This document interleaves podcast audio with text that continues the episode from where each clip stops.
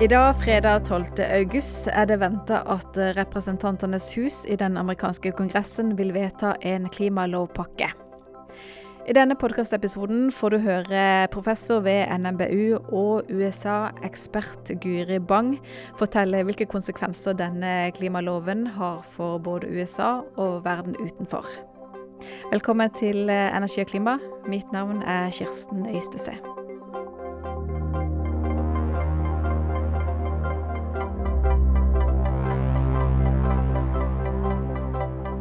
Velkommen til Energi og klima, professor ved NMBU og ekspert på amerikansk klimapolitikk, Guri Bang. Tusen takk for det. Du, USAs president Joe Biden er jo kritisert for å ha lova mye, men levert lite på klima. Men ett og et halvt år ut i presidentperioden så lykkes han endelig med å få gjennom en ganske omfattende klimalovpakke. Hvor overraskende er denne plutselige fremdriften i amerikansk klimapolitikk? Jeg vil si at det er både overraskende og også veldig gledelig. For dette er jo noe som eh, mange har venta på i 30 eh, år, faktisk. Eh, fra de første forsøkene på å få gjennom klimarelatert lovgivning i Kongressen under Bill Clinton. Og fram til i dag så har det vært en stor kamp med mange konflikter og mye fram og tilbake. Sånn at det at det faktisk blir vedtatt en klimalovgivning i USA i dag, det er en stor, et stort skritt framover, vil jeg si.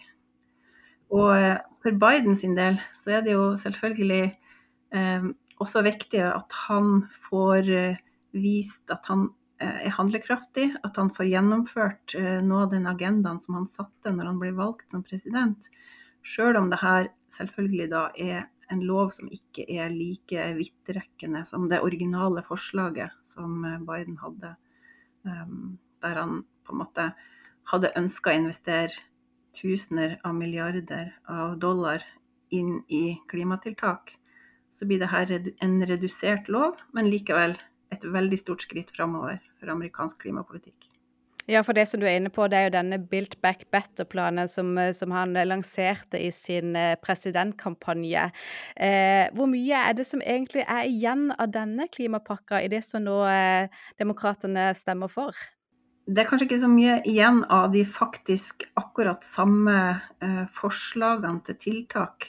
For denne eh, eh, nye loven, den er eh, som sagt redusert i omfang, men den er også litt annerledes i oppbygninga, ettersom den eh, først og fremst gir skattefordeler og avgiftslette eh, på mange forskjellige områder, mens Build Back Better hadde mer eh, et element av eh, hva skal man si, ikke bare gulrot, men også litt pisk inn i, eh, inn i, den, i det klimalovforslaget. Da.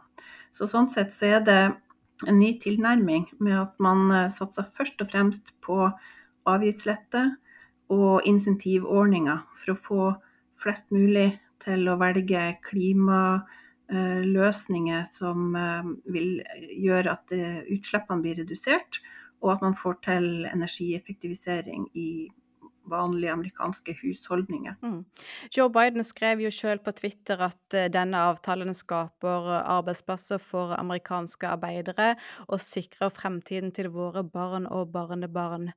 Hvor betydningsfulle vil du si at denne klimalovpakka er?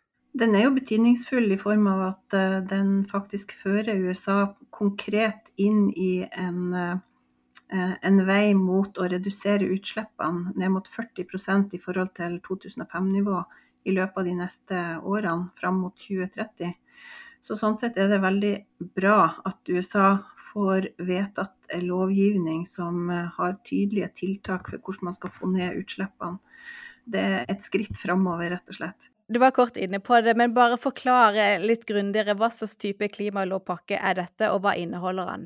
Så det er jo lagt inn uh, mange sånne forskjellige tiltak for å få ned uh, utslippene i vanlige husholdninger gjennom å gi avgiftslette for uh, kjøp av elbil eller varmepumpe eller sånne type ting. Og også å hjelpe folk å etterisolere hus.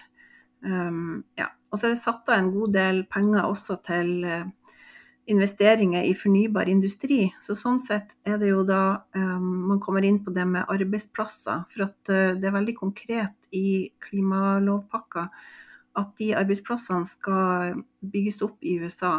Og noe av hensikten med å investere i fornybar energiindustrien er både selvfølgelig å bygge opp kapasiteten til å produsere fornybar energi, men også at det skal bygges opp arbeidsplasser, såkalte grønne arbeidsplasser, som skal gi flere folk eh, jobber innenfor denne industrien. Um, og de eh, avgiftslettene og skattefordelene som blir gitt til fornybar energiindustri, de er nå forlenga i ti år. Sånn at eh, det blir et eh, mer stabilt investeringsklima for eh, fornybar energiindustri. Og da er det konkrete skatteletteordninger for de som ønsker å investere i f.eks. produsering av solcellepaneler eller vindkraftturbiner. Og det her skal skje på amerikansk jord, sånn at man er sikker på at det skaper arbeidsplasser i, i USA. Og også en del av det er at det skal være eh, på en måte godt betalt arbeidsplasser, sånn at eh, fagbevegelsen har vært inne her og på en måte hjelpa til med å få til ei ordning eh, som gjør at det er godt betalte arbeidsplasser, sånn at man får arbeidsplasser som arbeiderbevegelsen støtter, eller som er, måte, har gode vilkår. Da. I, eh, hvis du ser til EU, så er jo kvotemarkedet det mest sentrale virkemidlet der for å nå utslippsmålene, fordi det skal koste å forurense. Mens USA, som du var inne på, velger jo en annen linje. Det er mye mer gulrot og mindre pisk. Ja, og jeg tror det er en av grunnene til at vi nå ser at det faktisk kan bli vedtatt eh, en klimalov her. For at den loven inneholder fordeler for uh, veldig mange. Både fornybar energiindustri, som vi er inne på, og vanlige familier. Det er snakk om å skape nye jobber. Så det er på en måte ei offentlig investering i å skape en ny um, giv i økonomien i en grønn retning. Um, der man gir skattefordeler og avgiftsletter som det viktigste virkemidlet. Og det har nok ført til at det er flere som kan støtte denne lovgivninga i det demokratiske partiet. For det vil ikke føre til noe skatteøkning for f.eks. fossilindustrien eller for folk flest. Da. Så det er ingen som taper på dette? Nei, og når man eh, designer en lov på den måten, så vil det jo også eh, måtte være vanskeligere å ta den bort. For hvis du gir fordeler til folk flest, og til husholdningene, til eh, industriaktører, så er det også i ettertid vanskeligere å fjerne det. For at eh, ja, folk vil være veldig negativt innstilt til å gi fra seg eh, noen av de fordelene som eh, det blir gitt her i denne pakken. Det er jo sagt bl.a. at um, man skal prøve å få ned kostnadene, energikostnadene i husholdningene med opptil 1000 dollar i året. Um, og uh, ja, sånn at det blir konkrete fordeler for folk flest. Og uh, Biden-administrasjonen har jo også hele tida gjennom både Build Back Better og gjennom denne klimaloven lagt vekt på eh, rettferdig omstillingselementet. Sånn at eh, det er satt av 60 milliarder dollar i, i den eh, nye klimaloven her til å, som skal gå til energiomstilling og opprydning av forurensning og urettferdighet i fattige nabolag rundt omkring i USA. Det er jo særlig én mann, demokraten og senatoren Joe Manchin, som har vært den store bremseklossen og sørga for at eh, president Biden frem til nå ikke har fått til det han har ønska på klimafronten. Hva var det som fikk Manchin til å snu?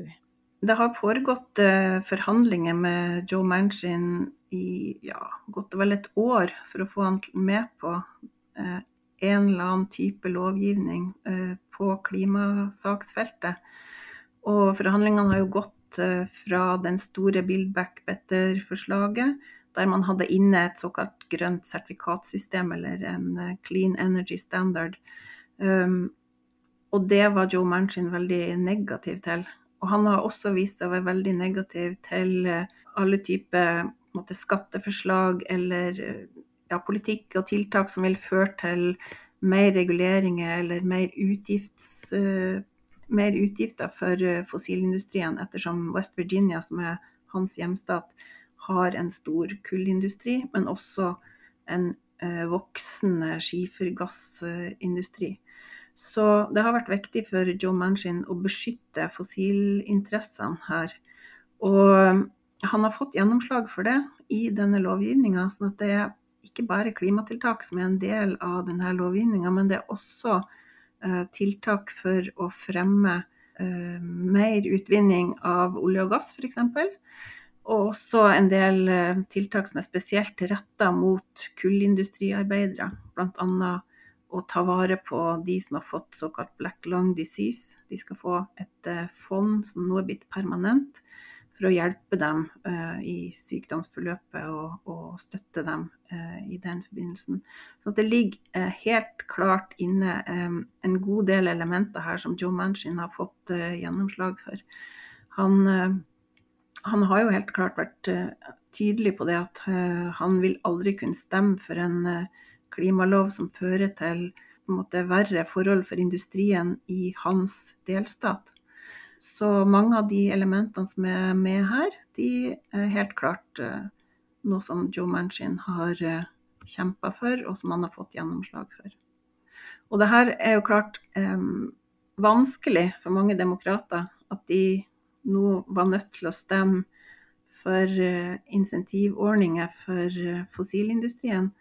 Men samtidig så har det vært et kompromiss der man har sett at OK, vi må på en måte strekke oss for å stemme på noe vi egentlig ikke har lyst til å ha, men samtidig så er det så mange fordeler um, som er lagt inn, um, og sterkere tiltak for å få ned utslippene i USA over hele økonomien, egentlig. Sånn at uh, til sammen så har dette blitt spiselig for et flertall av demokratene. Så det har vært en, helt klart en, en prosess der noen har gitt og noen har tatt, og alle til slutt er uh, fornøyd nok til å stemme ja til denne loven. Mm.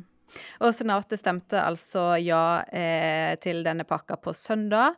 Og hvis eh, Representantenes hus også stemmer for eh, pakka i dag på fredag 12. august, som det er venta at de kommer til å gjøre, så er det egentlig bare presidentens signatur som mangler før loven kan tre i kraft. Er ikke det riktig? Det er helt riktig. Og det er jo forventa at det skal gå veldig greit å få det gjennom Representantenes hus, ettersom demokratene har et flertall der også. Og Hvordan vil det amerikanske næringslivet og den vanlige amerikaner begynne å merke dette når, når politikken rulles ut? Det vil jo da gi en god del fordeler for folk som f.eks. har lyst til å kjøpe seg elbil, som kan få rabatter hvis folk tjener under en, en viss uh, grense, så kan de søke om å få opptil 75 000 i avslag på å kjøpe seg en ny elbil, f.eks. Um, eller man kan kjøpe brukt elbil med en rabatt på 40 000 kroner.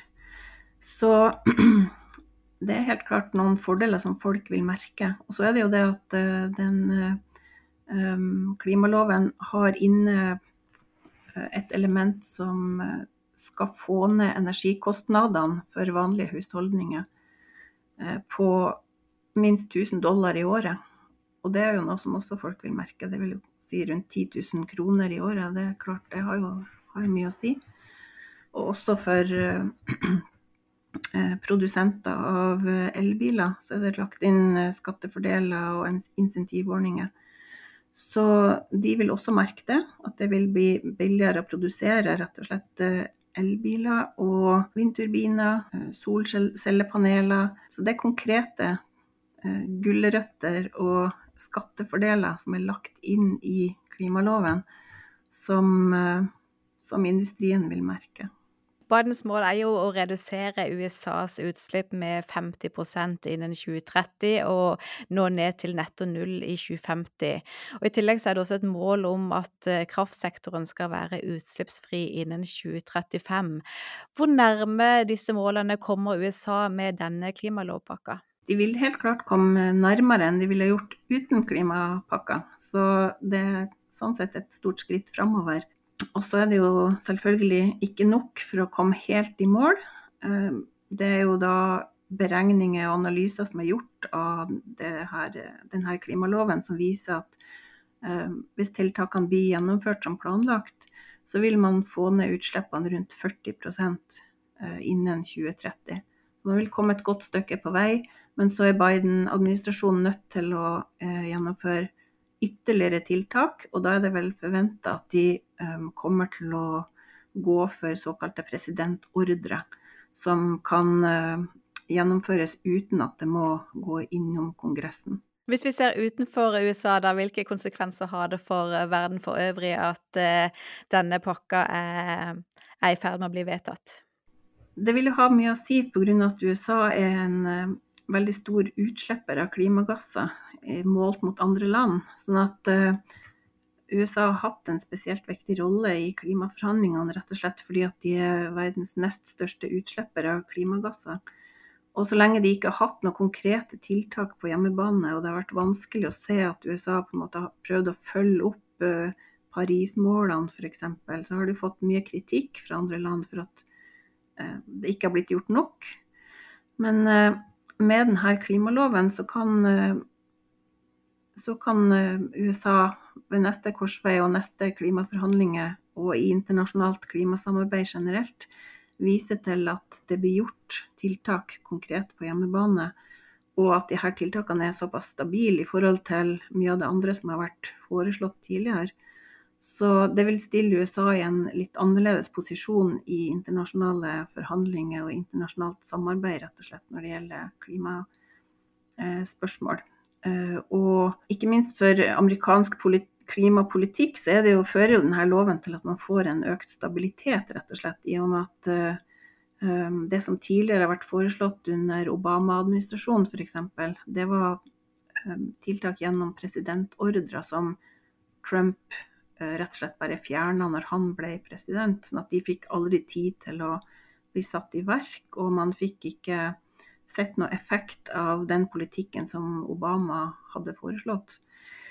Eh, mens nå når det er vedtatt i lovsform, eller vil bli vedtatt i lovsform i løpet av dagen, så, så, vil man ha en større stabilitet. Og det vil være vanskeligere rett og slett å få fjerna de her eh, tiltakene igjen. Så sånn sett så har USA nå større troverdighet også i eh, en internasjonal kontekst, der man kan vise til at eh, eh ja, man fører en, eh, en, politikk der man har klimatiltak som skal få utslippene ned.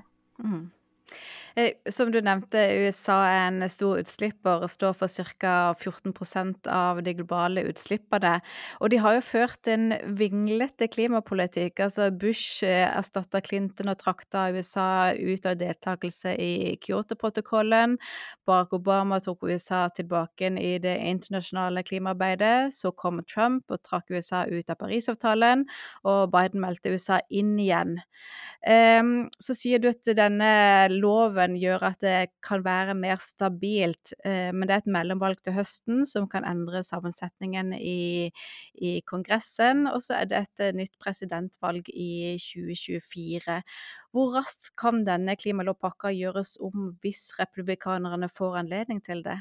Jeg tror det vil bli vanskeligere for dem å ta den bort um, nå, både pga. at um, det er i lov, vedtatt i lovs form. Det er vanskelig rett og slett å ta bort uh, lovgivning enn å fjerne presidentordrer. Um, Pga. de prosedyrene som er involvert. Så man kan ikke bare ta bort en eh, lov, man må da erstatte det med noe annet. Og um, så er det jo også det elementet nå med at denne klimaloven er uh, Den gir fordeler til folk og til industrien. Um, sånn at uh, det at man da gir fordeler og skattelette og insentivordninger, de er vanskeligere å ta bort for folk flest. Og på en måte de, igjen eh, Altså velgerne til senatorene som da eventuelt ønsker å ta bort denne loven, de vil kanskje stille seg negativ til at sånne fordeler blir fjerna. Så det vil være vanskeligere for republikanske senatorer f.eks. å foreslå å ta bort uh, skattefordeler og uh, avgiftslettelser som er gitt fra, fra sine egne velgere. Og derfor vil det være en måte mer kinkig for dem å få fjerna det her. Og du nevnte Obamas klimapolitikk, og det var lite av den som ble satt ut i livet. Og her var jo også rettsapparatet en, en viktig brikke, og det ble jo søksmål som satte stopper for en del av de klimatiltakene.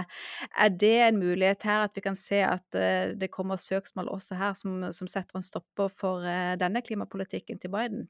Altså De vedtakene som ble gjort i, i Høyesterett som stoppa Clean Power Plan Eh, spesielt under Obama-administrasjonen, som var på retta mot å få ned utslippene veldig raskt i, i, energisektoren, og spesielt det å få fasa ut eh, kullkraftverk fort gjennom eh, noen ganske strenge regler. Det ble stoppa av Høyesterett, men da uttalte Høyesterett at det er opp til politikerne å bestemme klimapolitikken, og ikke bare Eh, administrasjon og EPA eh, e da, spesielt. Sånn at uh, i den uttalelsen fra Høyesterett så ligger det jo da et element i at de forventer liksom, Som kan gjøre at man forventer at når det her nå er vedtatt av Kongressen, så vil det være vanskeligere for dem å gripe inn i det. og på en måte, ja, Det kan de jo ikke gjøre uten at det kommer noe søksmål. Så politisk er det vanskeligere å endre denne loven. Det er også eh, ikke så sannsynlig at uh, rettsapparatet kommer til å gripe inn. Er det i det hele tatt noe som kan uh, stå i veien? Det er jo helt klart sånn at hvis republikanerne får et flertall i Huset og i Senatet og for presidenten, så kan de jo vedta en ny lov som erstatter denne loven. Men samtidig så vil det jo, som jeg var inne på, være vanskelig for dem å, få, å ta det skrittet da, og fjerne fordeler som er gitt gjennom eh, klimaloven som nå er vedtatt. Det skal i hvert fall bli vanskeligere for dem enn det ville vært eh, eh, hvis det bare var presidentordrer som, eh, som, hadde blitt vedtatt nå. Så det var et smart trekk å satse på gulrøtter? Ja, og det er jo et, et nytt kapittel på en måte også da i amerikansk klimapolitikk. Det har jo vært mange forsøk på å få vedtatt et kvotehandelssystem og få vedtatt eh, eh, energiskatt eh, på forskjellig vis. Eh, men det har bestandig blitt stoppa pga. at det har vært upopulært og vanskelig for eh, demokratene å skape flertall for det i sitt eget parti. Og ikke minst å få med republikanere på det. Um, sånn at det at de nå har endra kursen og heller um, laga en klimalov som inneholder stort sett bare skattefordeler og insentivordninger, det uh, virker å ha vært et smart trekk for å få uh, skape et flertall i, i partiet, uh, demokratiske partiet om, de her, om denne klimaloven. Mm. Da sier jeg tusen takk for uh, din kommentar og vurdering av klimaloven fra USA, Guri Bang. Tusen takk for det. Det var hyggelig å være med.